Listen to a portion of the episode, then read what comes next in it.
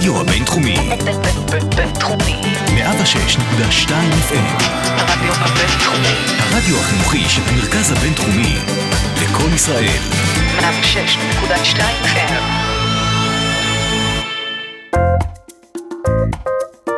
השעה הבינתחומית. פודקאסט שמחדד את המוח. עם שי קלוט. צהריים טובים לכל המאזינים שלנו, איזה כיף שהצטרפתם אלינו גם הפעם לשעה הבינתחומית, רצועת האקדמיה של הרדיו הבינתחומי, כאן ב-106.2 FM.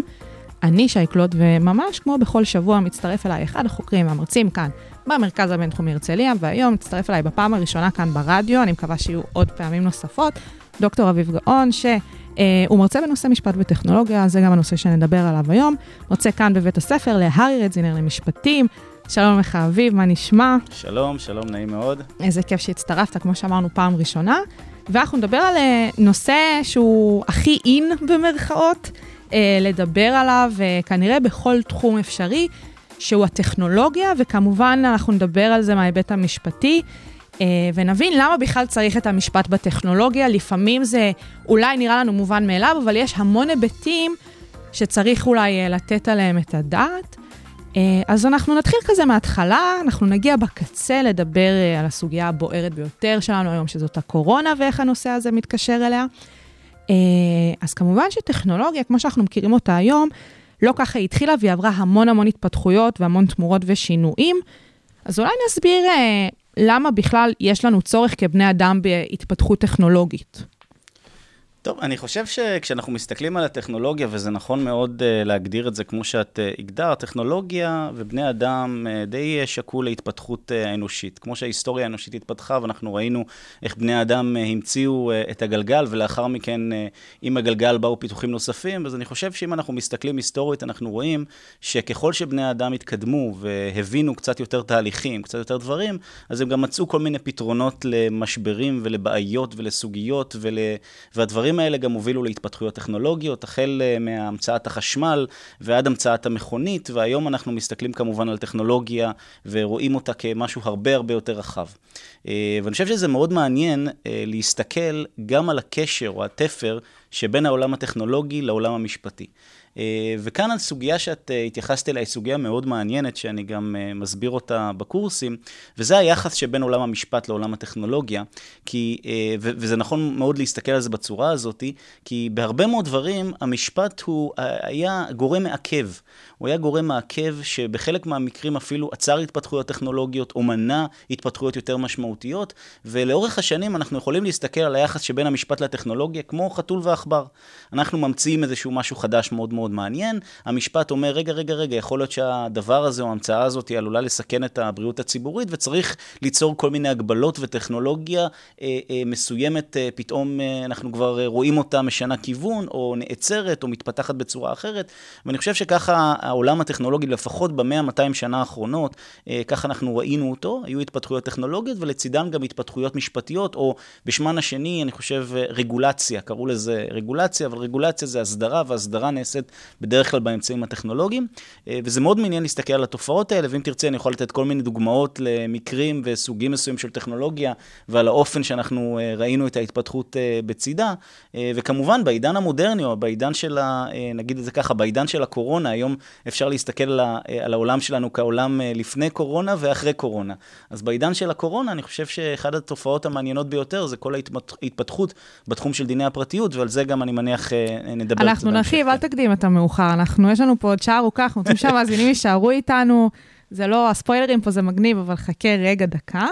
באמת, כמו שאתה אומר, אה, יש פה איזשהו משחק של חתול ועכבר, ומילת המפתח כאן תהיה רגולציה סביב הסיפור הזה של המשפט והטכנולוגיה. וכמו שאמרת, אנחנו מכירים מקרים בהיסטוריה בהן המשפט בא ועיכב באיזשהו מקום או באיזשהו אופן את התפתחות אה, הטכנולוגיה. אז אתה רוצה לתת לנו ככה כמה מקרים ספציפיים שאולי אה, יסברו את אה, אוזנם של המאזינים, להבין את הקשר בין הנושאים הללו? כן, בהחלט. אז אני חושב שאחת הדוגמאות שאני מאוד אוהב לתת בשיעורים, זה דווקא הדוגמה שקשורה עם הוידאו. אוקיי. אה, הווידאו קסט. אה, מי שמכם, מי מכם זוכר, אני, אני, קצת, אה, אני קצת צעיר יותר, אבל היו אנשים שזוכרים שאיפשהו בשנות ה-70 ותחילת שנות ה-80, אה, פרצה לעולם תופעה חדשה שנקראת הווידאו, אותם, אותם מכשירים שבאמצעותם היה אפשר להקליט תוכניות טלוויזיה. וכשהמכשירים האלה הגיעו לארצות הברית, אז עלתה שאלה מאוד מעניינת. האם אנחנו יכולים להתיר את השימוש באותם מכשירים ואותן טכנולוגיות? וכמובן, כמו שאת יכולה להניח, מי שככה עמד, אה, עמד כחומה בצורה נגד האפשרות הזאת, זה היו חברות אה, התקליטים וחברות הטלוויזיה והמדיה, שחשבו שהאמצעי הזה יוביל בעצם לעצירה של אה, הפקות טלוויזיוניות ולהקלטות פיראטיות. אגב, דבר שבאמת קרה. והמשפט, עולם המשפט, בית המשפט העליון בארצות הברית, התחבט בשאלה הזאת, האם אני מאפשר את השימוש באותה, באותו כלי, באותה טכנולוגיה, שעלול אולי גם להוביל להפרות ולפגיעות כאלו ואחרות. והתגובה של בית המשפט באותם, באותו מקרה, זה נקרא המקרה של סוני, פסק הדין בעניין סוני, הייתה שהם מתירים את השימוש באותם מכשירים, ואחת ההנחות שם, שזו הנחה שמלווה אותנו, אני חושב, עד היום, היא שעצם העובדה שמכשיר או טכנולוגיה יכולה, אפשר להשתמש בה גם לשימושים שהם עלולים להיות אה, מפרים, זה לא אומר שאנחנו צריכים אה, ככה להרוג את התינוק, עם, לשפוך את התינוק עם המים. אה, וזה פסק דין שהוא מאוד מעניין, אמנם בשנות ה-80 המאוחרות, אבל זה פסק דין שהוא המוקדמות לדעתי, אבל זה פסק דין שהוא מאוד מעניין, אה, בגלל שהוא משפיע גם היום על העיצוב של אה, אה, לפחות הקשר הזה שבין המשפט והטכנולוגיה, ואנחנו רואים את זה, אנחנו דיברנו על שנות ה-80, אנחנו רואים את זה בעוד תופעות ובעוד מקרים, כמו עם הנושא של התפתחות האינטרנט, ואם אתם זוכרים, היה בתחילת שנות, ה, אה, שנות האלפיים עיסוק לא מבוטל בכל מה שקשור להורדות הפיראטיות באינטרנט, והשאלות האלה עלו שם שוב ושוב, ולאחר מכן עם התופעה של סטרימינג ונטפליקס, השאלות האלה חוזרות על עצמם פעם אחר פעם אחר פעם, ואנחנו רואים שבהרבה מקרים, אה, אני, אני חושב שאולי זה לא מדויק להגיד, המשפט עוצר את הטכנולוגיה, אבל המשפט משפיע על הטכנולוגיה ומשנה אותה. ובעקבות ההחלטות האלה ופסקי הדין שקרו לאחר מכן, אנחנו ראינו שהטכנולוגיה מתאימה את עצמה למגבלות ולרגולציה כדי שהם אה, יוכלו לעבוד, ובחלק מהמקרים זה מצליח, בחלק מהמקרים אנחנו רואים שהתופעה משתנה או נעלמת, שזה גם דבר שיכול לקרות. עכשיו, אנחנו יודעים אה, באופן אה, מאוד רחב על עולם המשפט, שיש לנו אה, את המדרג, הנורמטיבי של חוקים, פסקי דין, הסכמים בין הצדדים, ואם אנחנו מסתכלים אפילו על דוגמאות שאתה נותן, אז מדובר על פסקי דין. עכשיו, מה קורה כשמגיע באמת המחוקק, הרגולטור, ומסדיר את הסיפור הזה? איך החברות והשינויים הטכנולוגיים מתייחסים לסיפור הזה? אז הנה, זה דווקא דוגמה שהיא אה, מאוד מעניינת, ופה אני אקפוץ אה, ברשותך אה, דווקא לעשור הנוכחי. יאללה. לתופעה שאותי מאוד מעניינת במחקר של הבינה המלאכותית. הנה, אני חושב שבינה מלאכותית בכלל כאיזשהו תחום והתפתחות טכנולוגית, זה נושא שאפשר להסתכל עליו מכל הזוויות ומכל הרבדים, והוא ממחיש חלק גדול מהתופעות שדיברנו עליהן גם בהתחלה. אה, אז הבינה המלאכותית זה נושא שהוא אה, די ותיק בעולם שלנו, הוא לא נושא חדש, כמה שאנשים אה, נוטים להתבלבל, זה נושא שנמצא איתנו, אני חושב, החל משנות ה-40 עם אלן טורינג ואחרים שפיתחו את הרעיון, וזה ידע עליות ומורדות. והנה, במהלך שנות ה-2000, 2010 פלוס מינוס, אנחנו רואים שלצד ההתפתחויות הטכנולוגיות, פתאום העיסוק בנושא הזה הולך וגובר. אה, ואנחנו ראינו את זה בכמה מישורים, אני חושב שהמישור האחד זה פחות דווקא פסקי דין, זה יותר אה, הממשל, הממשל האמריקאי, אובמה וממשלים אחרים, שפתאום מבינים שיש כאן איזושהי סוגיה, שהסוגיה הזאת צריכה אה, פתרון.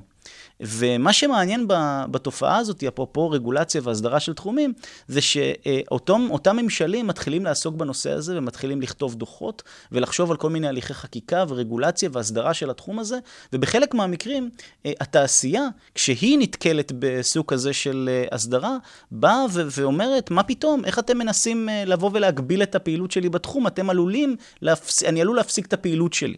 אה, וזה דבר שאנחנו רואים אותו גם בוועדות, גם בישראל וגם במקומות אחרים בעולם, והשיח הזה הוא שיח שמצד אחד יוצר איזשהו, איזשהו, איזשהו מנגנון של הרתעה, כי פתאום התעשייה מבינה שהם צריכים לשים לב לדברים מסוימים, ואם תרצי אני אדבר על זה אולי קצת בהקשר של פייסבוק ומקרים נוספים שאנחנו רואים ממש מהחודשים האחרונים. ומצד שני, אנחנו גם רואים את הרשויות, השיח הזה עם הרשויות, הם גורם להם להבין את המוצרים ואת הטכנולוגיה בצורה יותר יותר טובה, ואז גם תהליכי ההסדרה נהיים יותר טובים. ואנחנו ראינו את זה בתהליך שאנחנו, אה, ש, שנוצר בארצות הברית עם הדוחות שפורסמו ב-2016 על ידי ממשל אובמה, ולאט לאט אנחנו ראינו את הטון קצת משתנה בדוחות מאוחרים יותר שפורסמו באנגליה, ולאחר מכן באירופה, ויותר ויותר מבינים שחלק מההגבלות, או חלק מהחוקים וההסדרה שרוצים לעשות בתחום, גם עלולה להוביל לפגיעה מסוימת באותן אה, טכנולוגיות, שזה לא בהכרח דבר שהמשק רוצה. כי אנחנו רוצים לקדם את הטכנולוגיה, ובסופו של דבר זה מביא לקידום המין האנושי. Uh, באמת אתה מדבר על הסיפור, לדוגמה, של פייסבוק והרשתות החברתיות, וכמובן על הממשל האמריקאי. אנחנו יודעים שהמון מהדברים שקשורים שם להסדרה ולפיקוח של הגופים האלה, החברות הללו, משפיע על העולם כולו. Uh, אז אולי uh, חשוב רגע באמת לשים את הדגש על העניין האמריקאי וההתפתחות הטכנולוגית וההתפתחות של הרגולציה של הסיפור הזה. זה לא, לאורך כל ההיסטוריה, נכון?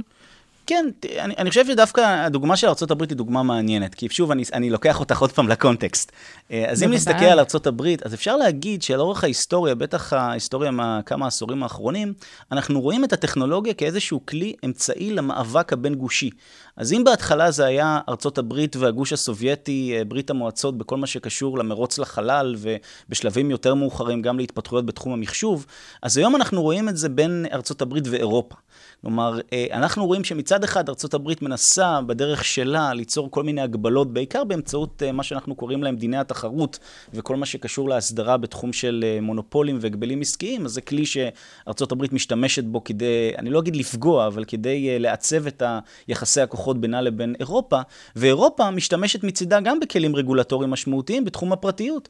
אם אנחנו מסתכלים על ההסדרה של ה-GDPR, כמו שקוראים לו, ההסדרה של רגולציית הפרטיות באירופה, אז יש שטוענים שזה איזשהו אמצעי שבאמצעותו אירופה מנסה ככה לעצב ולמצב את מעמדה אה, בעולם, והמאבק הבין-גושי הזה הוא בהחלט משפיע על ההתפתחויות הטכנולוגיות, ואני אתן אולי עוד איזושהי דוגמה אנקדוטלית, ואנחנו נראה את זה שוב בהסתכלות של ממשל טראמפ וממשלים שקדמו. אה, לממשל הזה. אז אה, אחד הדברים שקרו בשנות ה-80, ואני מחזיר אותך שנייה לבינה המלאכותית, זה שבשנות ה-80 הממשל בארצות הברית הבין שכנראה מה שהבטיחו לו בתחום זה כנראה לא כזה נכון. והפריצה הטכנולוגית בתחום של בינה מלאכותית לא צפויה לקרות בזמן הנראה לעין, ופתאום מה שקרה זה שהממשל ככה התחיל לקצץ, והתקציבים בתחום ירדו, ירדו משמעותית. אה, ולאורך השנים, פתאום אנחנו רואים, אחרי הברית קצת הפסיקה להשקיע בתחום, פתאום אנחנו רואים מדינה אחרת, יפן, שמקדימה ומתחילה לפתח את, ה, את התחום הטכנולוגי, הברית אומרת לעצמה, רגע, רגע, רגע, אני לא רוצה חלילה שיפן תעבור כן, אותי בכל... כן, להשתרך מאחור. בדיוק, ופתאום אנחנו רואים תופעה נוספת, שברגע הברית מבינה שהיא טיפה הולכת לאחור, היא נכנסת עוד פעם עם כל הכוח אה, לתחום הזה. ואנחנו ראינו את זה היום, גם בתקופה האחרונה, עם כל מה שקשור למאבק בין סין וארצות הברית, פתאום ברגע שארצות הברית מבינה שיש איזשהו חשש למעמדה העולמי, אז היא נכנסת לתחום בכל הכוח, וזה גם חלק מהמשחק הזה בהתפתחות הבין-גושית. המלחמה קרה all over again. בדיוק, במובן מסוים. במובן מסוים. המלחמה הקרה הטכנולוגית, כן. הטכנולוגית. Uh, טוב, אנחנו נראה באמת uh, לאן זה ילך עם השנים, אנחנו, יש למה לצפות, uh, וכמובן אנחנו יודעים שבסופו של דבר uh, המשפט נכנס בממשל, uh, והמשל במשפט, וההשפעה שלהם על הטכנולוגיה, כפי שאמרנו בהתחלה, כפי שאנחנו מדברים ואנחנו נדבר לאורך כל התוכנית הזאת, אה, מאוד משמעותי ומאוד משפיע.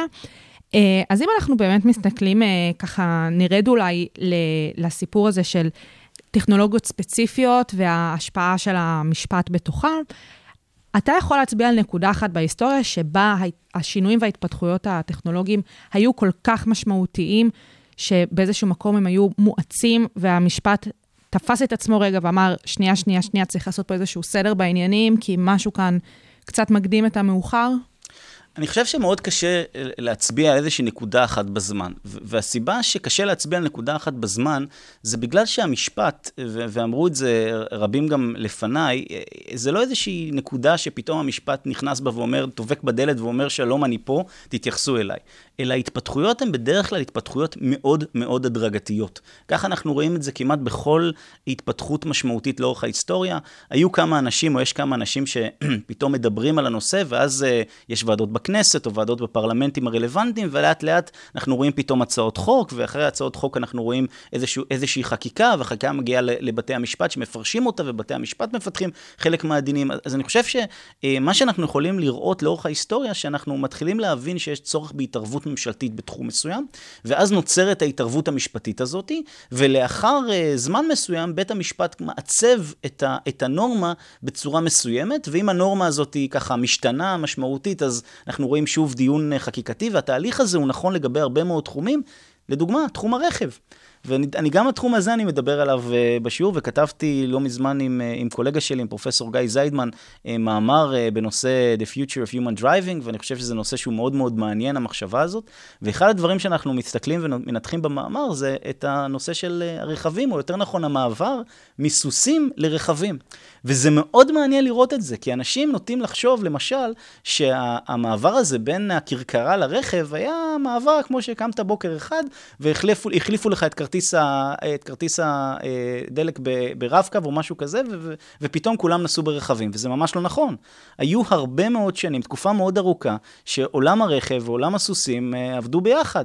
וזה מאוד מעניין להסתכל על זה במובן החקיקתי, כי אם אנחנו הולכים והסתכלנו על, על אה, חקיקה באנגליה מלפני 300 ו-400 שנה, ואתה פתאום מסתכל על חוק, ואתה רואה לנגד עינך שכתוב אה, אה, אה, מהירות, אה, אסורה מהירות מופרזת בנהיגה על סוסים. הופה. או ברכיבה על סוסים. אז פתאום אתה אומר לעצמך, רגע, הכלל הזה של אה, נהיגה במהירות מופרזת זה לא כלל שפתאום אנחנו קמנו בוקר אחד, יש לנו רכב ועכשיו התחילו לחשוב עליו. לא, גם זה היה פעם. וכשאתה מסתכל על ההתפתחויות ההיסטוריות האלה, אז, אז זה מעניין לראות שבכל נקודה בהיסטוריה אנחנו ראינו כללים מסוימים שהם נכתבים, וכשהטכנולוגיה מגיעה, הכללים האלה לא נעלמים. הם אולי משתנים טיפה, הם אולי מעוצבים בצורה אחרת, אבל עולם המשפט שלנו בהרבה מאוד מובנים הוא די סטטי, וההתפתחות בעולם המשפט היא התפתחות מאוד מאוד איטית. וזה אולי אחד הקלאשים, אחד ההתנגשויות המאוד מאוד מעניינות, שהטכנולוגיה היא רצה מאוד מאוד מהר, ועולם המשפט הוא בדרך כלל נסרח מאחור. וזו אולי אחת הבעיות הגדולות שיש לנו, כי אנחנו צריכים להתמודד כל הזמן עם שינויים טכנולוגיים, ועולם המשפט באופן טבעי לא יודע לתת את המענה הזה. זה מאוד מעניין, אנחנו נראה את ההתנגשות הזאת באמת לאורך אה, המון נקודות שניגע בהן, ואולי נתחיל מהסיפור, אה, דיברנו כבר מקודם על הבינה המלאכותית, כי זה משהו שכמו שאמרת, אולי בעבר אה, חשבו שזה יתקדם מאוד מאוד מהר, אבל אנחנו יודעים היום, בשנת 2020, ש... as we speak, מה שנקרא, יש אה, שינויים ותמורות בנושא הזה. אה, אז דבר ראשון, אולי נסביר בכלל מה זה בינה מלאכותית. זה איזה מושג שנזרק מכל עבר, ולא תמיד כולם בטוחים מה זה אומר. כן, אז זה, זה באמת, אה, אני, אני מסכים לחלוטין, ואחד הדברים שאני מאוד אוהב לעשות בקורסים, זה לנפץ את המיתוסים. זה לשאול שזה... סטודנטים, לעשות שמש אסוציאציות, מה זה בינה מלאכותית? לקבל כל מיני תשובות ככה, ואוקיי. פחות, פחות שמש אסוציאציות, אבל באמת לנסות ככה לנפץ מיתוסים ולנפץ אשליות. אז uh, אני חושב שאחת הבעיות, וגם אני חוטא בזה לפעמים, זה שמסתכלים על התחום בינה מלאכותית, וברוב המקרים ההקבלות האנושיות, או ההקבלות שלנו לתחום של בינה מלאכותית, זה סרטים כמו הטרמינטור, uh, וכל מיני סרטים uh, שבהם רואים את המכונות משתלטות על העולם, והחשיבה היא שבינה מלאכותית זה איזשהו משהו כזה שיודע לעשות הרבה יותר, או לפחות uh, יודע לעשות דברים כמו בני אדם. והאמת היא שזה ממש לא מה שיש לנו היום. כלומר, אה, צריך להבין שכשאנחנו מדברים על בינה מלאכותית, אנחנו בדרך כלל מתכוונים לתחום. השם בינה מלאכותית הוא מקביל, כמו להגיד לימודי תקשורת, כמו להגיד אה, המרכז הבינתחומי בהרצליה. זה שם גנרי להרבה מאוד דברים שמתרחשים בתוך, אה, מתחת לפני השטח.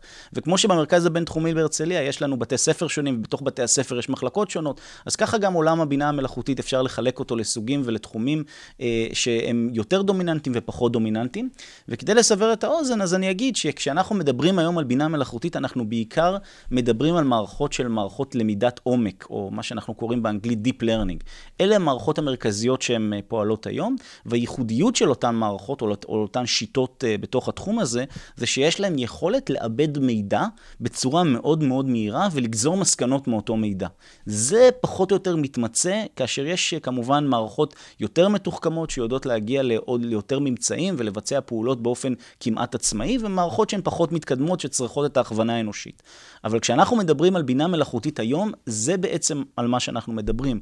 לא מדובר עדיין במערכות שיש להן יכולת אה, עצמאית לחלוטין, זה לא מערכות שיש להן את החשיבה האנושית ואת היכולת שלנו להבין דברים ולפעול בהתאם לתובנות האלו במרחב.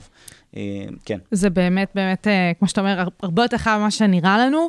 אה, וכמו שאתה אומר, יש המון המון תחומים תחת בינה מלאכותית. השאלה שלי אל מול עולם המשפט, זה האם עולם המשפט מתייחס לכל תחום בתוך הבינה המלאכותית באופן אה, ספציפי, או שיש איזו אה, רגולציית על שכזו? אז, אז זה גם שאלה שאני שמח מאוד שאני, ששאלת אותה, כי גם על זה אני כתבתי לא מזמן איזשהו uh, מחקר, ו, ואני חושב שמה שמצאתי במחקר הזה, שזה גם דבר, תופעה שהיא מאוד מעניינת בעולם המשפט. כי כמו שאמרתי קודם, הבינה המלאכותית קיימת ונמצאת איתנו כבר uh, הרבה מאוד שנים. ובאיזשהו מקום, העיסוק המשפטי ככה החל בצורה יותר uh, עמוקה ומעמיקה ומשמעותית בשנות האלפיים, פה אחרי 2010, כשראינו את העיסוק שמגיע מהממשל ופתאום מתחילים לשאול כל מיני שאלות, אז גם אקדמאים וחוקרים ועורכי דין מתחילים לכתוב על התחום. התחום. והבעיה המרכזית שאני שמתי לב אליה, זה בדיוק מה שאני מציין כאן, שבעולם המשפט לפעמים מתייחסים למונחים בצורה לא נכונה, בצורה לא מדויקת. עכשיו, ברור שאם אני לא יודע בדיוק להגדיר את הטכנולוגיה, ואם אני לא יודע להסביר כרגע את מה שאני הסברתי לך, מה זה בדיוק הטכנולוגיה הזאת שאני מתייחס אליה, ה-deep learning הזה, מה זה בדיוק ואיך הוא עובד, ואם אני לא מבין את זה בצורה מספיק טובה, אז יכול להיות שהאמצעים הרגולטוריים שאני אייצר, או האמצעים המשפטיים שאני אייצר, ייצרו כל מיני הגבלות שבחלקן יהיו לא רלוונטיות, ובחלקן יזיקו לטכנולוגיה. ויפגעו בה ויגרמו לזה שאנחנו לא נוכל לפתח דברים מסוימים. וזו הבעיה שאני נתקלתי בה בהתחלה, שבחלק גדול מאותם מאמרים ובחלק גדול מהכתיבה, מגדירים בינה, אומרים בינה מלאכותית, אבל לא מסבירים מה זה בינה מלאכותית, מתוך איזושהי הנחה שבינה מלאכותית זה איזשהו דבר אחד מסוים שהוא אה, אה, נכון כמעט לכל התחומים, וזה לא. אה, ואני חושב שאחד הדברים, או אחד הקשיים והאתגרים שיש לנו בעולם המשפט, בטח לאנשים שמגיעים מרקע משפטי ולא מרקע טכנולוגי, זה להבין איך הדברים עובדים. ולהבין איך הדברים עובדים מחייב גם איזשהו ידע בסיסי בטכנולוגיה. אה, וזה אגב אחד הדברים שאני מאוד שמח, ואני רוצה באמת לברך פה גם את אה, דיקן בית הספר למשפטים וגם את אה, דיקן בית הספר למדעי המחשב, אריק שמיר ואמנון להבי, ששנה שעברה ניגשתי אליהם ואמרתי להם, תראו, צריך לפתח איזשהו, איזושהי תוכנית, איזשהו קורס שישלב בין שני התחומים האלה. באמת קידמו את החזון הזה, ואני יכול להגיד שכבר בשנה הבאה אנחנו פותחים שני קורסים משותפים, גם לבית ספר למדעי המחשב וגם לבית ספר למשפטים, שמלמד בינה מלאכותית מההסתכלות של הטכנולוגית וגם מההסתכלות המשפטית. אז פה הכנסתי פרסומת, אני מקווה שזה בסדר. גם קצת פרסומת, אני רציתי להגיד את זה בעצמי מהבחינה הזאת של זה... באמת מדהים לראות את הסיפור של הבינתחומיות הזאת, וכמה זה הכרחי לדעת את שני התחומים. כמו שאתה אומר, בסופו של דבר הרגולציה הזאת יכולה גם במרכאות לתקוע את אותן התפתחויות uh, טכנולוגיות, לאור פשוט בורות, כי אני מסתכלת, אני נכון. מדברת פה במושגים לא, לא, קצת נכון בוטים, uh, ואנחנו גם יודעים שבהמון מקרים של המשפט, אה, אנחנו רוצים שיהיה לפעמים כמה שפחות משפט, ולתת uh, ללקוחות השוק ל- לעשות את הפיתוחים בעצמם, uh, ובאמת חבל שהמשפט עושה נזק באופן כמעט אקטיבי. אז כמו שאתה אומר, באמת מאוד מאוד חשוב לבוא ולהבין את המונחים לפני הכל, לפני שאנחנו מגדירים חוקים או פשוט רגולציות. ובתוך הבינה המלאכותית, כשמסתכלים על הסיפור המשפטי, עכשיו דיברת על סוגיה אחת מאוד מאוד ספציפית, אבל uh, אני ארד שנייה בבינה המלאכותית לסוג uh, מסוים.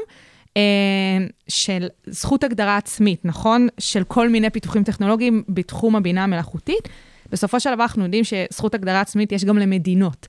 עכשיו, איך uh, המשפט מסתכל על זכות ההגדרה העצמית בהקשר של בינות מלאכותיות, או יותר נכון בהקשר של הפיתוחים הטכנולוגיים בתחום הבינה המלאכותית? טוב, פה את לוקחת אותי קצת לדיון הפילוסופי שאני טיפה, אישית... טיפה. לא, אני מאוד אוהב, אני חייב להגיד שזה אחד הדיונים, אני חושב, המרתקים שיש היום, אה, וזו באמת השאלה, מה, מהו אנושי?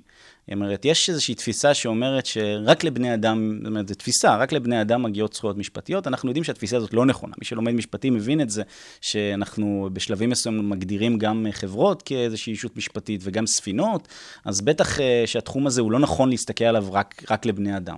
אבל כבר הרבה מאוד שנים עוסקים בשאלה הזאת, האם יכול להיות שאנחנו נגיע לאיזשהו שלב, שבשלב הזה אנחנו נחליט לתת זכויות משפטיות לרובוטים. אה, או לרובוטים שיש להם יכולות מסוימות. אה, אז אני אגב, בתפיסה שלי, אני חושב שזה מאוד נכון לבחון את זה. וזה נכון מכמה סיבות. אחד, אני מאוד, אני מאוד מאמין שכל תפיסה משפטית וכל תפיסה נורמטיבית זה דבר שצריך כל הזמן לשאול אותו ולחקור אותו ולנסות לאתגר אותו. יח- אני גם מסכים ומאמין שהיום אנחנו לא נמצאים עדיין בשלב הזה, שנכון להגדיר מערכות בינה מלאכותית ורובוטים כבעלי זכויות משפטיות. זה אנחנו עוד לא שם. אבל יכול להיות מאוד שבעשר או חמש עשרה שנה הקרובות אנחנו נגיע לשם. ואני חושב שמאוד חשוב גם בשיח הזה לבוא ולהגדיר מהן הזכויות שאנחנו מוכנים לתת לאותן מערכות. ובדוקטורט שלי ובתזה שאני כותב עליה, וגם בספר שאני עומד לפרסם עוד מעט, אחת השאלות שאני מעלה זה האם יכול להיות שבאיזשהו שלב בעתיד אנחנו נבוא ונגיד שבינה מלאכותית ומערכת רובוטית שייצרה איזושהי יצירה או המציאה איזשהו פטנט, יש ונכון לתת להם את הזכות באותו פטנט. ולהסתכל על זה בצורה קצת אחרת, שכמובן היום המצב המשפטי הוא שאם uh, עכשיו uh, uh, IBM ווטסון, המחשב המתקדם של IBM, uh, ימצא לנו את התרופה הזאת uh, לקורונה, ואמרנו שנזכיר קורונה איזה פעם ראשונה. בום, שבע בום, התחלנו. אז אם הוא ימצא לנו את התרופה הזאת, החיסון הזה לקורונה, אז מי הבעלים של הזכות הזאת, המאוד מאוד יקרה? מי, מי יהיה לו את היכולת להמציא פטנט? ו- ואני לא יודע אם אני אפתיע אותך, אבל כמעט ברוב המדינות בעולם, אם מערכת ייצרה פטנט באופן עצמאי לחלוטין, בלי שמצליחים uh, להגדיר או לראות את ההשפעה האנושית, ומבקשים לרשום את הפטנט uh, על אותה מכונה, אז ברוב המדינות בעולם יגידו לך, אי אפשר. וזה מאוד מעניין, כי יכול להיות שבעתיד לא תהיה הצדקה, באמת הצדקה נורמטיבית, אנחנו אומרים משפטית, הצדקה משפטית, להעניק את הזכויות, הזכויות האלה לאיזשהו בן אדם שהמציא איזושהי מכונה לפני עשר שנים, והמכונה באופן רנדומלי לחלוטין, בלי או ללא קשר למה שאותו בן אדם עשה, המציאה אותו פטנט. אז כמובן, אני, אני, אני מרדד את השיח, וזה לא... ו, ויבואו ויגידו בצדק שהרי הבן אדם השקיע זמן ומאמץ בפיתוח המכונה, אז יכול להיות שמגיע לו. אז אני הולך, אני אומר, אולי כן מגיע לו, אבל השאלה, כשאומרים מגיע, זה גם מה מגיע, איך מגיע, לכמה זמן מגיע. ואלה השאלות שאנחנו מתמודדים איתן בעולם המשפט, וכמובן, כל תשובה שאני אתן לך, יהיה לה השפעות דרמטיות ברור, על ההתפתחויות. ברור. זה ממש שילוב, אם אנחנו מדברים על משפט וטכנולוגיה, ספציפית במשפט, זה, זה סיפור של הקניין והקניין הרוחני. זה ממש שאלות... אמרת, בן אדם עמל על כך, זה ממש ג'ון לוק, כאילו אנחנו נכון מכירים מאוד. את כל התיאוריות האלה, ואנחנו רואים איך זה נכנס בכל כך הרבה רבדים. אז באמת, אתה אומר, הרבה מאוד מדינות יחליטו על אותו פטנט שהמכונה, לדוגמה, המציאה. לא, למכונה לא מגיע את זכויות היוצרים לרשום את הפטנט עליה. אז איך כן יש הסדרה כיום, לדוגמה, על מקרים שכאלו? טוב, אז האמת שהנושא הזה הוא נושא שהוא מאוד מאוד מאוד מורכב, מהרבה מאוד סיבות, בין היתר כי התחומים המשפטיים, ואולי לא אמרנו את זה, אבל צריך להגיד את זה לטובת המאזינים שלא מגיעים מהרקע המשפטי, צריך להגיד שהעולם המשפטי הוא, הוא, הוא מגוון מאוד, יש הרבה מאוד uh, סוגים מסוים של חוקים, ובכל מדינה התחומים מוסדרים קצת אחרת. אנחנו נכנסים פה לעולמות, uh, יש הבדל כמובן בין מדינות שהן מוגדרות מדינות ה-common law, מדינות המשפט המקובל, uh, שלבתי המשפט יש יותר מעמד ותפקיד בפרשנות החוקים ובעיצוב החוקים, לעומת מדינות מדינות קונטיננטליות, כמו מדינות אירופה, שבהן יש משמעות יותר לקודקס, ומערכת החוקים שם קצת שונה, מערכת המשפט שם שונה. בעולם של הקניין, אז יש הבדל משמעותי בין דיני הקניין הרוחני באירופה לדיני הקניין הרוחני בישראל ובארצות הברית, וכל הדברים האלה כמובן מקשים על האפשרות שלנו, על היכולת שלנו לעצב חוקים שיהיו רלוונטיים אה, לטכנולוגיה, כי כמו שאת אה, מבינה, העולם הטכנולוגי הוא שונה מאוד מהעולם שאנחנו מכירים היום, בגלל שהיום כמעט כל דבר שאתה ממציא הוא באופן כמעט מיידי זמין בכל מקום בעולם. כשאני מפתח איזושהי אפליקציה, וזו דוגמה, אני חושב, מאוד, מאוד מעניינת, אפרופו אה, תוכנות מחשב. תוכנות מחשב ו start-up nation. ו start-up nation, בדיוק. אבל תחשבי שבעבר היית מייצר, היית כותב איזושהי תוכנת מחשב, אז היית מייצר תוכנות מחשב למפעלים, לתעשיות, זה היה מאוד... ספציפי וממוקד נכון, במידה מסוימת. וגם מאוד טריטוריאלי. כשאני הייתי חברה שמפתחת איזושהי תוכנה עבור המכונות של פורד, אז, אז רק פורד הייתה יכולה להשתמש בה, כי רק לפורד היו את האמצעים שמתאימים את התוכנה למחש... למכשור שלהם. אבל היום המצב לא כזה. כשאנחנו מחזיקים ביד שלנו היום מכשיר שהוא גם בעוצמה שלו וגם בכוח שלו שווה, שווה ערך למאות מחשבים שהיו בעבר, אז העובדה שאתה יכול לעלות לאפליקציה בשנייה וזה מתעדכן בכל העולם, זה משפיע גם על היכולת שלנו אה, להגביל או ליצור איזה שהסדרים שהם הסדרים טריטוריאליים, כי זה לא טריטוריאלי יותר. ובעוד נקודה זה מעניין. פעם היית כותב תוכנה, והיא הייתה רלוונטית לחודשים, אם לא לשנים. היום אפליקציה, אורח חיי המדף שלה זה שבוע-שבועיים, אז מה ההיגיון גם בלתת הגנות ומשך הגנות כל כך ארוך ומשמעותי? אין בזה הרבה היגיון. ואם אנחנו מדברים פה באמת על הסיפור של מה ההיגיון וכדומה, אנחנו גם יודעים שהרבה פעמים, אם המשפט לא, מס, לא מספיק להסדיר את הכללים והחוקים אה, תוך כדי תנועה, יש עוד יותר בעיה להסדיר אה, פוסט המקרים, לדוגמה, כאשר יש פגיעה בעקבות טכנולוגיה מסוימת, אה, ואם מלכתחילה לא הסדירו את התחום אה, לפני הפגיעה, וכשקורית פגיעה אז אה, יש קצת בעיות אה, להגדיר אה, מי אשם, אה, מה משטר האחריות פה. יש המון המון תחומים, דיברנו על קניין, פה זה אולי עניין של רשלנות ואחריות פלילית. וגם פה, אנחנו לא יודעים לפעמים על מי להטיל את אותה אחריות, נכון? אה, גם שאלה מצוינת, כי אה, דיברנו עכשיו על עולם הקניין, בהתחלה קצת דיברנו על פרטיות, אני מניח שנדבר על פרטיות בהמשך. תכף, ממש עוד מעט. ו- אה, ועכשיו את דיברת על נזיקין. אז הנה, גם הסוגיה הנזיקית זו סוגיה מאוד מעניינת, שעיצבה חלק גדול מהחוקים שלנו. חוקי הצרכנות למשל, אה, עוצבו על בסיס אה, דיני הנזיקין, של מה קורה אם אני אה, מזמין איזשהו מוצר ממדינה מסוימת, המוצר מגיע וגורם לי נזק, מי, מי יישא באחריות. וגם בהקשר הטכנולוגי, אנחנו עוסקים בזה המון, בכל מה שקשור לרכבים אוטונומיים. היו לא מעט אירועים שבהם אה, רכבים אוטונומיים של אובר פגעו באנשים אחרים, ואז עלתה השאלה הזאת. ואני חושב שהתשובה היא, כמו כאן, היא גם נעוצה קצת באיזה מדינה אנחנו נמצאים. כי, וזה הייחודיות, אגב, גם היופי וה, ואני חושב היתרון במדינות כמו מדינת ישראל, שבהם בתי המשפט נדרשים להתמודד עם השאלות האלו, כי בהרבה מהמקרים, אלו מקרים שהם אה, חדשניים, ולכן המקרים האלו ברוב המ... יגיעו באמת לבתי המשפט, ובתי המשפט יצטרכו להגיד ולתת את המענה, ובחלק מאותם מקרים, מה שבתי המשפט יפסקו, הם יבואו ויגידו, המקרה הזה הוא לא כל כך שונה, הוא לא חריג מתאונה רגילה, וינסו לעשות את ההתאמות הרלוונטיות. ההיקש. בדיוק, את ההיקש, כמו שאנחנו אומרים במשפטים, בין הסיטואציה שהייתה בעבר לבין הסיטואציה היום, ובעצם ייתנו איזשהו מענה אה, לאותם, אה, אה, לאותם נפגעים. אה, וככה אנחנו נראה, אפרופו התפתחות אה, פסיקתית, ככה אנחנו רואים פתאום איזושהי הלכה חדשה שאומרת שתאונת דרכים אה, של אובר, מי שיישא באחריות למשל, זה תהיה החברה שייצרה את, אותו, את אותה מערכת. כמובן שזה לא נותן לנו פתרון מתאים, אבל זה חלק מהתהליך, כמו שאמרנו כל מתחילת ההרצאה, זה חלק מהתהליך של תהליך טכנולוגי ביחס שבין הטכנולוגיה למשפט. אנחנו רואים מקרים מהסוג הזה קורים, ואז אנחנו רואים את בתי המשפט נדרשים לזה, ואחרי שבית המשפט נדרש לזה, יכול שתבוא הרשות המחוקקת ותגיד, אוקיי, יש לנו כאן תופעה שצריך להסדיר אותה בצורה יותר רחבה, ואז יתחילו דיונים, והדיונים האלה ינביעו איזשהו חוק שיעסוק באותה תופעה, וככה אנחנו רואים את הגלגל הזה, אמרנו שזה תהליך, ככה אנחנו רואים את התהליך של עולם המשפט הולך ומתפתח צעד אחרי צעד אחרי צעד. חד משמעית, וזאת רוטינה שחוזרת על עצמה, ומשהו שעולה כאן, שפתאום גרם לי למחשבה, מדברים תמיד על אה, הסיפור של ודאות משפטית אל מול הסיפור הזה. נכון. וכאן הוודאות המשפטית היא לשני כיוונים, גם ליצרנים עצמם, מי שמפתח את אותם תוכנות או אה, פיתוחים טכנולוגיים כאלה ואחרים, וכמובן על המשתמשים, שאם הם עכשיו נפגעו מהסיפור אה, של אותן טכנולוגיות, אז הם רוצים את הוודאות המשפטית מהבחינה של אה, לתבוע את הסעדים המתאימים. ובאמת, כמו שאמרת, יש כאן המון דברים של... אה, אה, תנועה, וזה מאוד דינמי, וצריך אה, פר מקרה לראות מה קורה. אז זה ככה אה, נקודה למחשבה. אנחנו נעבור לנושא של משפט ופרטיות, אנחנו מעלים את זה כאן אה, כל כמה דקות, כי זה באמת עניין מאוד מאוד אה, אקוטי, בטח בתקופה האחרונה. נכון. אה, אז אה, משפט ופטרי, ופרטיות, אולי נדבר כמובן הגנה על פרטיות של אנשים אל מול פיתוחים ואמצעים טכנולוגיים שיש לנו כיום, נכון? זה נכון. בעצם הנקודת העל פה. נכון, תראי, בסוף, כשאנחנו מדברים על טכנולוגיה, אה, אה, צריך להבין שהטכנולוגיה הדומיננטית היום היא בעיקר טכנולוגיה שמתבססת, כמו שאמרתי בהתחלה, על מערכות של אה, למידת, למידת עומק, Deep Learning, והאלמנט הכי דומיננטי באותן מערכות זה דאטה. כל דבר היום שיש בו איזשהו אלמנט טכנולוגי מצריך דאטה, והמון דאטה.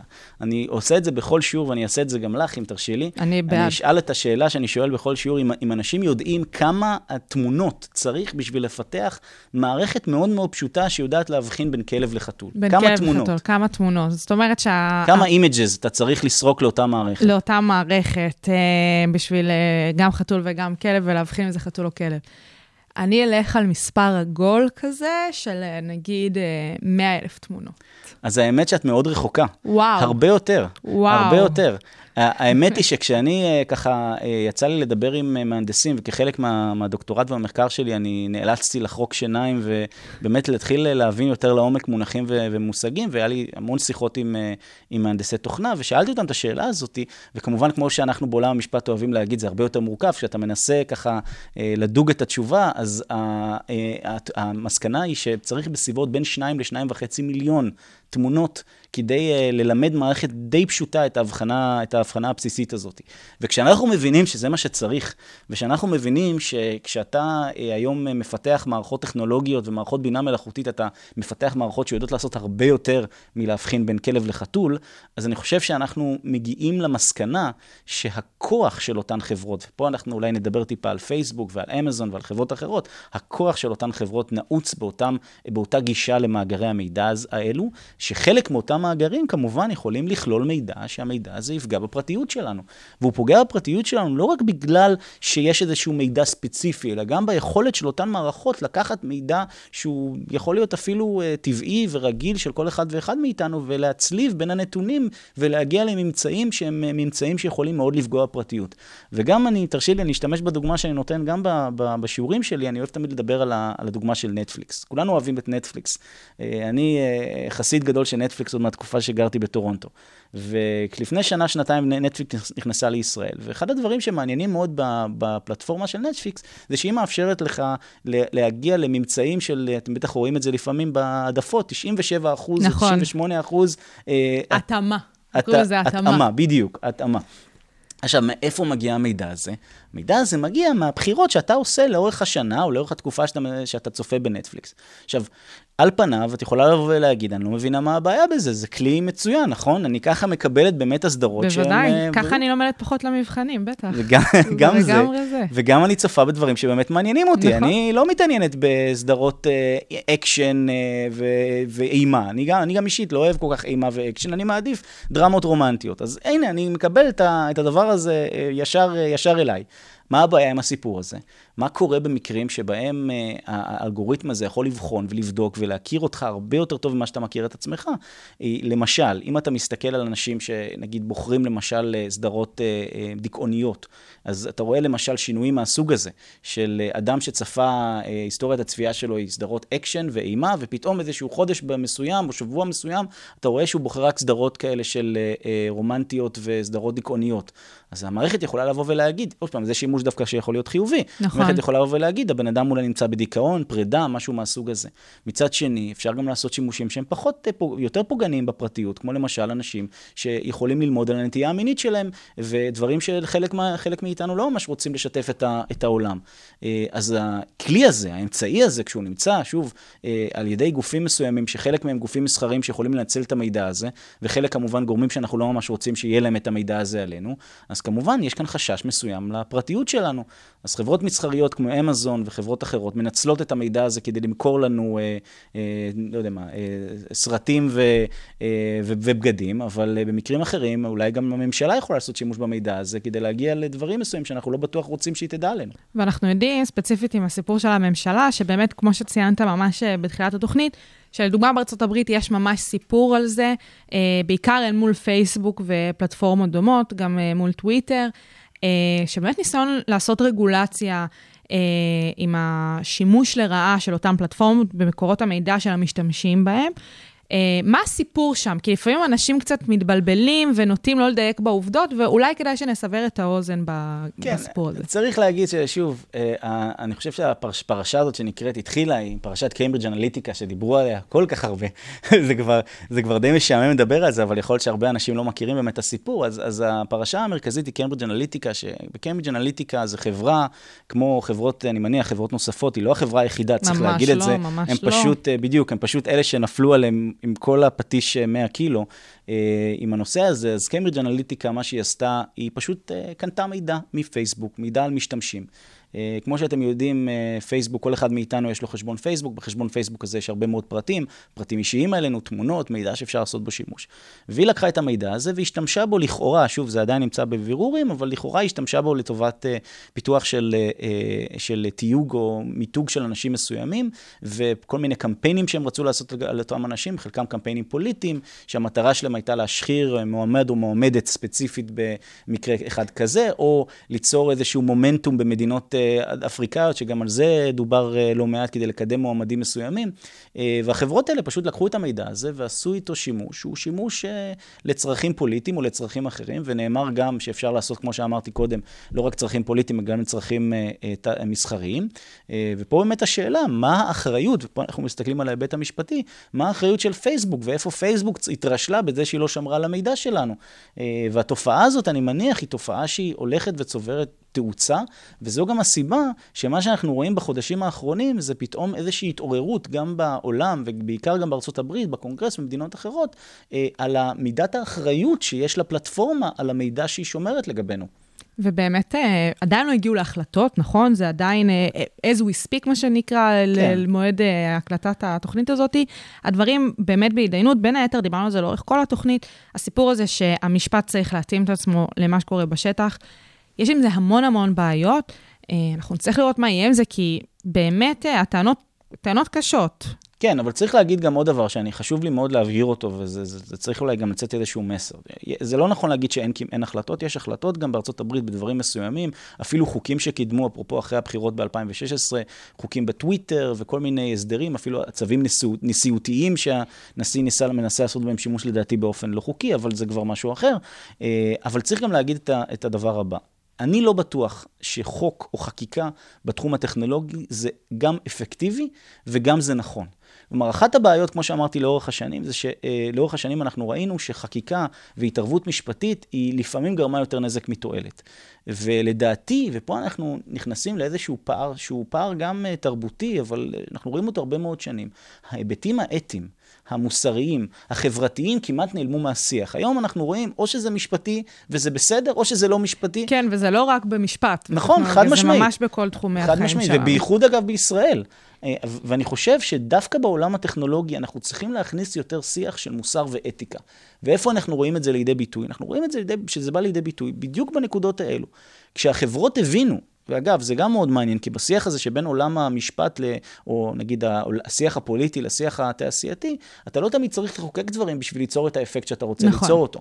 כלומר, עצם זה שפתאום הפייסבוק וחברות גדולות מרגישות את, ה, את החום, ככה, בגב שלהם, גורם להם לעשות דברים, וגורם לחברות, אחרים, לחברות אחרות להסתכל עליהם ולהגיד, רגע, כדאי לנו מאוד לעשות דברים, אחרת גם אנחנו נהיה שם על המנגל. ואתה רואה את זה בחברות שפתאום מתחילות לייצר כל מיני כללים אתיים.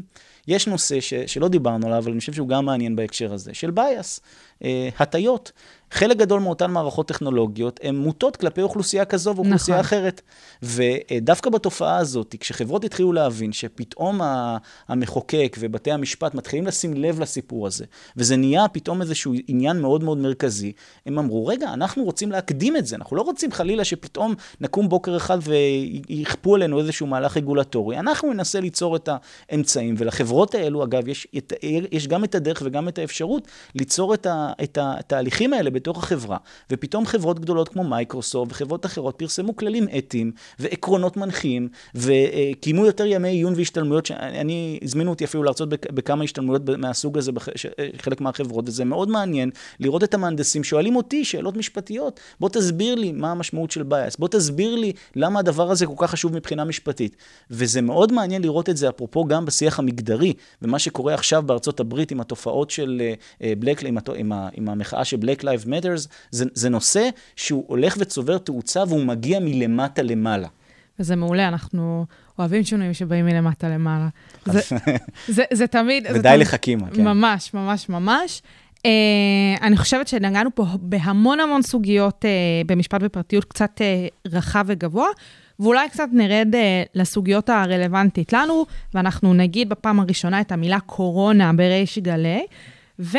צריך לעשות כמו בפורים, רעשנים. ממש, כן. ממש, אולי נכניס כזה איזה משהו פה, איזה אפקט. Uh, העניין פה כרגע במדינת ישראל של משפט, פרטיות וקורונה, אל מול סיפור uh, מעקבי השב"כ, אנחנו יודעים שיש עם זה המון בעיות משפטיות, זה אפילו הגיע לדיון בבית המשפט העליון בזמנו, כשניסו להעביר את התקנות הללו, אה, אפילו שודר. נכון. ויש פה המון המון סוגיות, אנחנו יודעים את זה. המון סוגיות, והעיסוק בנושא הזה הוא מאוד חשוב. אני פה, אני באמת, אפרופו פרסומת, אני לא אעשה יותר מדי פרסומות, אבל אה, גם חברתי, אה, פרופסור קרינה הון, וחברי, פרופסור מיכאל בירנק באוניברסיטת תל אביב, הם אה, גם עוסקים בנושא הזה המון, ורק הבוקר מיכאל בירנק הוציא איזשהו דוח שעוסק בעניינים שקשורים לטכנולוגיה ופרטיות, ולפני כמה שבועות קרין ועוד כמה חברים יצרו באיזשהו קמפיין לטובת העלאת המודעות, ו... עמותה של... אה, עמותת פרטיות. עמותת פרטיות. תחפשו בפייסבוק, כן, כן. פרטיות. כן. תחפשו בפייסבוק ותתרמו, כי זו באמת יוזמה שהיא מאוד חשובה. ולמה היא כל כך חשובה? בגלל כל הדברים שאמרתי קודם לכן. אז תחשבו שהקורונה הביאה חלק מהתהליכים, ותכף אנחנו נדבר אולי על חלק מהתהליכים במובן יותר רחב, אבל הביאה חלק מהתהליכים, פתאום זה, זה כמו לשים אותם על, על, על, על סטרואידים. סטרואידים, ממש. זה ו... מואץ ב, בריבוע. בדיוק, והיום, לא רק שאוספים מכם מידע, אוספים מכם מידע ברישיון. והמידע הזה, לך תדע מה יהיה איתו, ומה יעשו איתו, ובאיזה אופן יעשו איתו. עכשיו, אני לחלוטין בעד אה, שימוש באמצעים טכנולוגיים, וצריך להגיד את זה. אני בעד שימוש באמצעים טכנולוגיים כדי לסייע בהתגברות על הקורונה. ברור. קורונה זו מגפה משמעותית, ואם יש דרך שנוכל ככה לחזור לשגרה או לחצי שגרה, ונשתמש בעזרים הטכנולוגיים כדי שיסייעו לנו, אדרבה ואדרבה. אבל מה הבעיה? הבעיה היא שבחלק גדול מהמקרים אנחנו רואים שזה לא נעשה בצורה נכונה. ואנחנו רואים אולי, אני שם אולי כי זה זה, אבל אולי שמנצלים את הקורונה בשביל להשיג כל מיני יעדים אחרים שנוחים לגופים כאלו ואחרים אה, אה, להשתמש בהם. והתופעה הזאת של, למשל, הנושא של שימוש אה, בניידים וסלולריים בשביל אה, ליצור אה, אכיפה, אני חושב שזו תופעה שהיא מאוד בעייתית. היא בעייתית מאחר ויש אמצעים הרבה יותר טובים ויעילים, וזה מתסכל שבמשך החודשים האחרונים אתה רואה יותר ויותר אנשים באים ומסבירים, תראו, אנחנו לא צריכים את המעקבים האלה, המעקבים האלה הם לא אפקטיביים, יש כלים יותר טובים. והתופעה של המגן 2, אותה אפליקציה שאני הורדתי והורדתי גם את המגן 1, ואני הורדתי את המגן 2 ואני גם ממליץ לאנשים בבית לעשות את זה, אנחנו רואים שיש אפשרות באמצעים טכנולוגיים שהם לא ייצרו את אותן מורכבויות ואותה מעורבות של הממשלה במעקבים שאנחנו רואים. ואני חושב, ש... ואני שמעתי גם אה, הקולגות שלי מדברים על זה, התופעה של המעקבי השב"כ בעניין הזה בדיוק יצרה את הרתיעה של הציבור. פתאום הציבור מבין שרגע, אולי כדאי לו בכלל להשאיר את הטלפון בבית, ואולי כדאי לו אפילו אה, להימנע בכלל משימוש בטלפון, כי אולי מישהו ישמע, אולי מישהו יאזין, אולי... אנחנו לא רוצים את זה, אנחנו רוצים שאנשים יסתכלו על הטכנולוגיה ולא יפחדו ממנה. יבינו שהטכנולוגיה זה אמצעי שנועד לסייע לנו. ו- והתופעה של, ה- של מעקבי השב"כ, יחד עם כל התהליך, ה- באמת, הפשלה האדירה שהייתה עם הסיפור הזה, שלא לא נוצר איזשהו מענה יעיל לאותם אזרחים שחלילה ככה אה, תפסו אותם במקומות שהם אה, באמת לא היו בהם, או היו בהם, אבל לא בסמיכות לאותו אדם שנדבק, כל ה... הנה, ואת, את מצביעה ואומרת אני, ש... אני מאלה, גם אני. אז, אז, אז כל הדברים האלה באמת יצרו את זה שכשבאה אותה, אותה, אותה אפליקציה, המגן 2, שהיא הרבה יותר טובה ויעילה, ויש לה יכולת לבצע אה, אה, בדיקה יותר מדויקת, באה האפליקציה הזאת, אנשים פשוט כבר לא רצו להוריד אותה. כי הם כל כך נרתעו ממה שעלול לקרות, שהם פשוט אה, באו ובחרו להתעלם מהטכנולוגיה, והנה, אנחנו יצרנו איזושהי תופעה שהיא תופעה מאוד אה, שלילית, בלי לדבר בכלל, ולא דיברתי בכלל על כל הבעיה החוקתית והמשפטית המשמעותית בזה שאתה לוקח גוף אה, כמו השב"כ ואתה אה, נותן לו גישה חוקית לחלוטין לכל המידע שאנחנו, שאוגרים עלינו, ואומרים לנו שאתה משתמש במידע כזה או מידע אחר, אבל חברים, אה, זה כמו, אני אומר, אה, וגם פרופסור אהרן ברק אומר את זה לא פעם, הסליפרי סלופ, המדרון החלקלק הזה, שאתה השתמשת בזה לטובת המקרה הזה, ואולי בעוד שנה, שנתיים פתאום יהיה כאן איזושהי תופעה חלילה נרחבת של פעילות טרור, אז יגידו, אוקיי, אז חייבים להפעיל את האמצעים האלו, ואתה באיזושהי נקודה תמצא את עצמך כמו הסרטים, יש סרט שאני מאוד, מאוד אוהב, שכחתי את השם שלו לרגע, אני תכף אני אזכר. שראו על מזרח, מזרח ברלין, אה, שעסק בזה שה... חיים של אחרים. חיים של אחרים, בוודאי. בדיוק. בוודאי. נהיה בסיטואציה של חיים של אחרים, שפתאום אה, הממשלה יודעת עלינו ועוקבת אחרינו כל הזמן. לחלוטין אה, מקרה 1984, ג'ון אוול. זה לחל... גם נכון, זה, נכון, זה נכון. לחלוטין אותם עולמות ואותם יקומים מקבילים. אה, אולי אני אסביר שנייה על אפליקציית מגן 2. יש לי מין תחושה שבציבור לא כל כך מבינים מה האפליקציה הזאת מגיעה לעשות, אה, בעיקר אל מול זה שהיא מהווה אלטרנטיבה לסיפור אה, מעקבי השב"כ. תראי, אז נכון, אז האפליקציה של מגן 2, דבר ראשון, היא אפליקציה חינמית, היא אפליקציה לגמרי. שאפשר להוריד אותה, ואפליקציה שלא מעט אנשים אה, בדקו וראו שהיא, אה, שהיא טובה, היא לא שומרת את הנתונים שלך, אה, זו אפליקציה שאתה יכול באמצעות המכשיר שלך להתחקות אחר המיקום שלך, וזה יותר מדויק.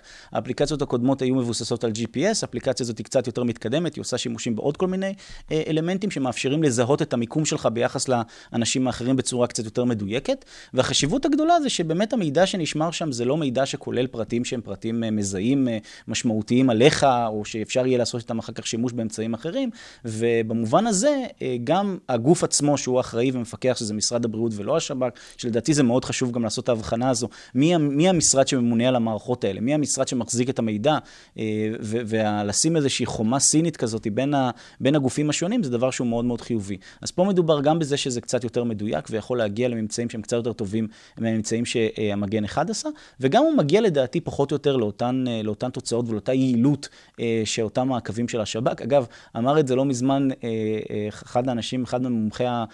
מומחים לביטחון, שאמר, תראה, אחד הדברים שאנחנו יצרנו בעקבות המעקבים של הממצאים של השב"כ, זה שפתאום בחמאס אולי יתחילו להבין שהמערכות שלנו לא כאלה מדויקות, וזה עלול ליצור לא רק בעיות בתחום הקורונה, בדיוק, ביטחוני. אלא אפקט שלילי ביטחוני. אז, שזה אה, זה חבל על הזמן אם נגיע למקום הזה. כן, זה מצחיק, אבל עוד פעם, זה...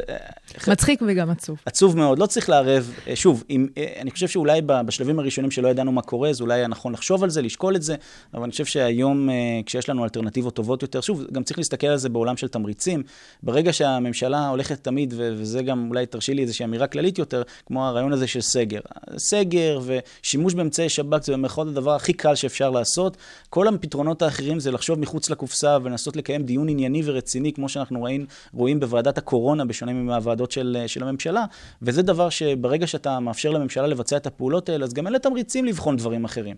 חד משמעית, ואנחנו, אני איתך לחלוטין מהבחינה הזאת של, אנחנו מקווים שיבחנו את כל האלטרנטיבות האפשרויות, כי בסופו של דבר אה, מדובר פה בחיי אנשים אה, במובן רחב, לא רק עניין בריאותי, יש פה גם בדיוק. באמת את הסיפור של פרטיות ואת הסיפור הכלכלי, ואנחנו רוצים שנגיע לכמה שיותר... אדם אה, שנכנס לבידוד זה אדם שאין לו יכולת להתפרנס. ממש. זה, זה, זו, זו בעיה, בעיה משמעותית. זו בעיה משמעותית, אה, שלא נדבר על המישורים הנפשיים אה, של הסיפור הזה, וכן, לא חסר. אה, ואם אנחנו מדברים פה על עוד רבדים של קורונה, אז באמת אה, במאמר לאחרונה אה, שפורסם בארץ, דיברת על כל מיני היבטים של הקורונה, מעבר לסיפור שדיברנו עד עכשיו, של נכון. משפט ופרטיות. אז דיברת על עוד שלוש סוגיות עיקריות, שזה הסיפור של תעשייה ומסחר, העולם נכון. האקדמי שמשתנה סביב הסיפור הזה, וכמובן יחסים בין אישיים. נכון. אז נתחיל מההתחלה. כן, אז, אז אני חושב שאחד הדברים שאנחנו רואים אותם, שוב, כתבתי לדעתי את המאמר הזה בארץ במרץ, בתקופה שבאמת לא היה לנו כל כך מה לעשות, אז ישבנו בבית ו- וכתבנו. אה, עדיף ו- על דברים אחרים. זה נכון. אחד הדברים בעולם האקדמי זה שזה, הקורונה נתנה תירוץ להרבה מאוד אנשים להשלים, אה, להשלים כתיבה של מאמרים. אז אה, פחות תירוצים אה, לי זה בספטמבר. טוב, כי אתם באים לדבר איתי עכשיו.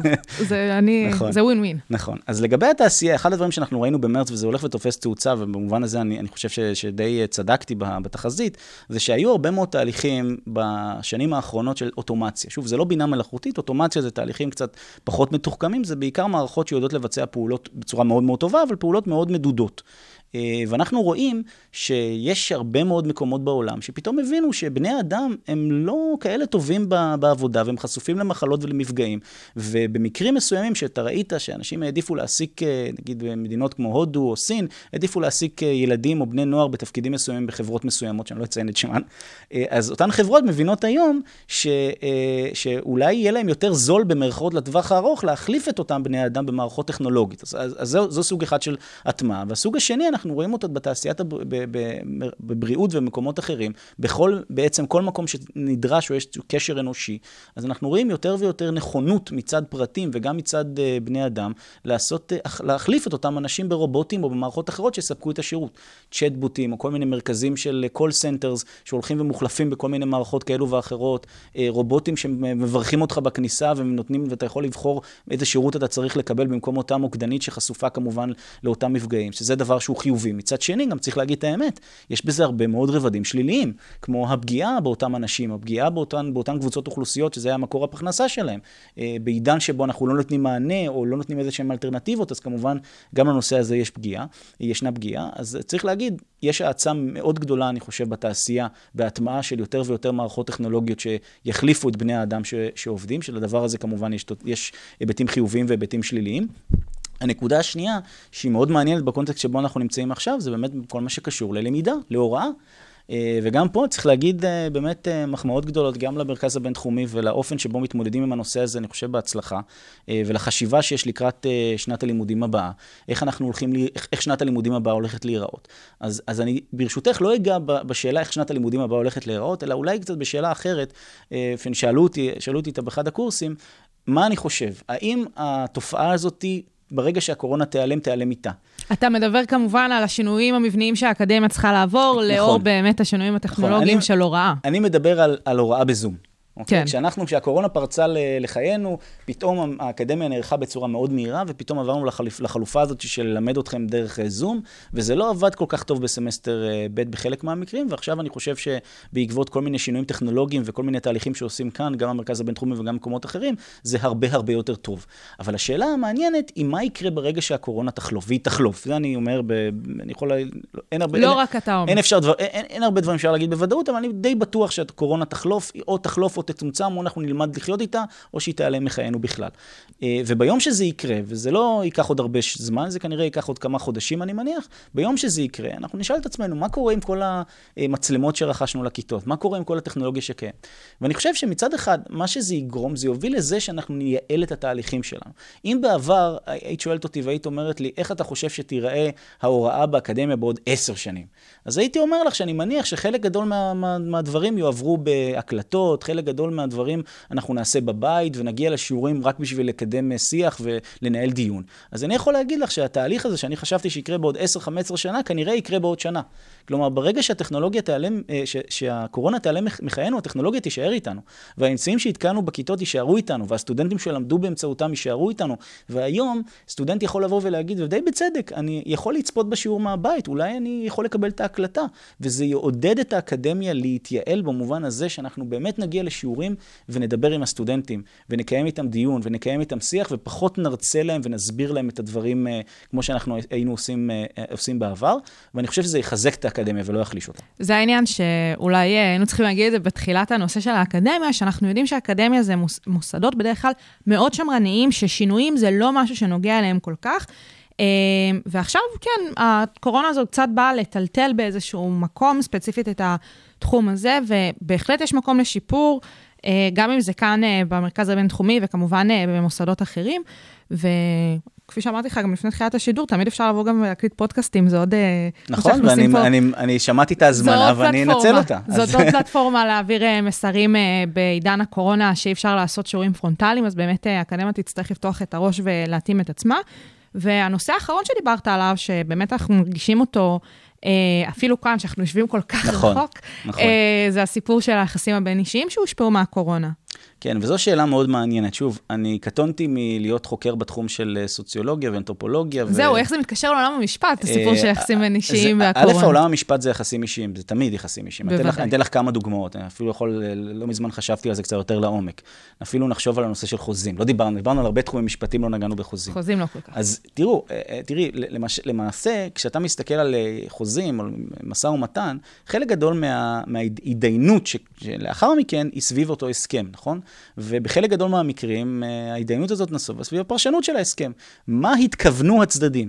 עכשיו, בעידן הקורונה ובעידן הזום, שחלק גדול מהמשא ומתן והחתימה מתנהל באמצעות הזום ומוקלט, אני לא בטוח שאנחנו נצטרך להתחיל לפרש את הכתוב, כי אנחנו פשוט נוכל לפרש את הוידאו. ואני חושב שזה שינוי שהוא יהיה שינוי מאוד מעניין בהתדיינות שאנחנו נראה בשנים הקרובות. זה רק אה, הערה, הערה כזה, הערת אגב, אפרופו השינויים החברתיים והאחרים. אבל ברור לי, ואני חושב שזה ברור לכולנו, שאנחנו צפויים לעולם שהוא יהיה קצת אחר. כלומר, אני חושב שהזעזוע ש, שלנו מה, מהקורונה ומכל התהליכים שהיו לנו ב, בחודשים האחרונים הוא כל כך עמוק, שאנחנו בהחלט צפויים לראות חברות מסוימות שהם יפתחו איזושהי רתיעה שלא הייתה להם בעבר, וזה מאוד נכון לישראל. אם היית שואלת אותי, אה, החברה היפנית או חברות אחרות שהן באופן טבעי קצת יותר מרוחקות, אני חושב שאפשר היה להגיד משהו קצת אחר, אבל לפחות לגבי החברה הישראלית שהיא בטבעה מאוד חמה. אתה מגיע לאירוע חברתי, אתה מחבק, אתה מנשק, זה דבר שהוא מאוד, מאוד מקובל בישראל. אני, אני די בטוח שזה לא יהיה ככה. אני די בטוח שיהיה לאנשים קצת יותר רצון לשמור על המרחב הפרטי שלהם, שזה לא דבר שלילי בהכרח. אה, אבל יכולות להיות לזה גם השפעות, לא, פעם, שאלת אותי איך החברה מתקשרת לעולם המשפט. כן. רגולציה. אנחנו מדברים המון על הנושא של, אה, של רכבים אוטונומיים, הנה, זו דוגמה אחת. לא, פחות רוב... תחבורה ציבורית, יותר אה, רכבים פרטיים, והרכב האוטונומי נכנס לסיפור הזה ויתפוס בדיוק, אתה אומר, כל התפיסה שלנו, הרגולטורית והתפיסה היא שהיא מקדמת תחבורה ציבורית, רכבת הקלה שהורסת את החיים של תושבי תל אביב הרבה מאוד שנים. ועוד פעם, אני מאוד בעד, אני מאוד בעד תחבורה ציבורית. אבל, אבל יש דרך לעשות. אבל אני אומר, יכול להיות מאוד שמה שאנחנו נראה בעקבות השינויים האלה, שפחות יהיה ביקוש לתחבורה ציבורית, אנשים ילכו יותר לתחבורה אה, הפרטית, שזה שינוי אחד. ושינוי נוסף, אפרופו רכבים אוטונומיים, כלכלה שיתופית. חלק גדול מהמודלים האלה מתבססים על מודלים של אה, נסיעה משותפת ברכב עם אנשים שאתה לא מכיר. אני, אני לא בטוח שזה יקרה. אני חושב שיצטרכו לעשות איזושהי רוויזיה מסוימת בתחום הזה, או לפתח כל מיני מערכות או הפרדות כאלו ואחרות בתוך אותו רכב כדי לאפשר את זה. זה באמת היה לנו פה בהמון המון נקודות.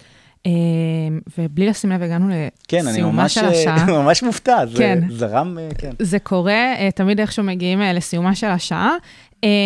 ככה באמת במשפט, מה, מה עתיד לנו בתחום הזה? כי אני חושבת שאולי הדבר הכי עקרוני בסוגיות האלה זה, זה העתיד, כן, אני, אני, אני פחות, אני יותר נרתם מלהתחיל לנבות, אה, לנבא כאילו אה, דברים אה, ותחזיות לעתיד. אני חושב שבגדול אנחנו צפויים לתקופה מאוד מאוד מורכבת. ואני חושב שאנחנו נראה יותר ויותר אמצעים טכנולוגיים ויותר ויותר הטמעה של טכנולוגיה בשירותים לאזרח ושירותים לפרט, שזה דבר ש... זה מבורך. שאנחנו כבר רואים אותו. אה, ואם להסתכל עוד אה, שנה, שנתיים, שלוש, אה, אני חושב שעולם המשפט יהיה יותר, יותר דומיננטי בתחומים האלו, וזה יוביל לשינויים. איזה שינויים ואיך הם יקרו, אני חושב שעוד קצת מוקדם לחזות. קצת מוקדם לחזות, ואנחנו באמת נצטרך לחכות ולראות מה יקרה בעתיד. אז אנשי העתיד ששומעים אותנו עכשיו, תחזיקו חזק, תראו. אנחנו מה... נשמע את ההקלטה כן. בעוד שנה ונראה... ונראה מה יהיה. כן. אז באמת הגענו לסיומה של השעה. אני כמובן רוצה קודם כל להודות לך, דוקטור אביב גאון, שהיית איתנו כאן בשעה הזאת והקדשת מזמנך, ובעיניי השארת את כולנו בהמון המון ידע ואינפורמציה מאוד מאוד חשוב. Uh, ואתם המאזינים, uh, גם מכם אנחנו ניפרד uh, מהשעה הבינתחומית כאן ברדיו הבינתחומי 106.2 FM. אתם כמובן יכולים למצוא את התוכנית הזאת ואת כל שאר הפרקים בכל הפלטפורמות האפשריות, וכמובן באתר ובאפליקציה של הרדיו הבינתחומי. אני שי קלוט, ניפגש בשבוע הבא, שיהיה לכם המשך יום מקסים.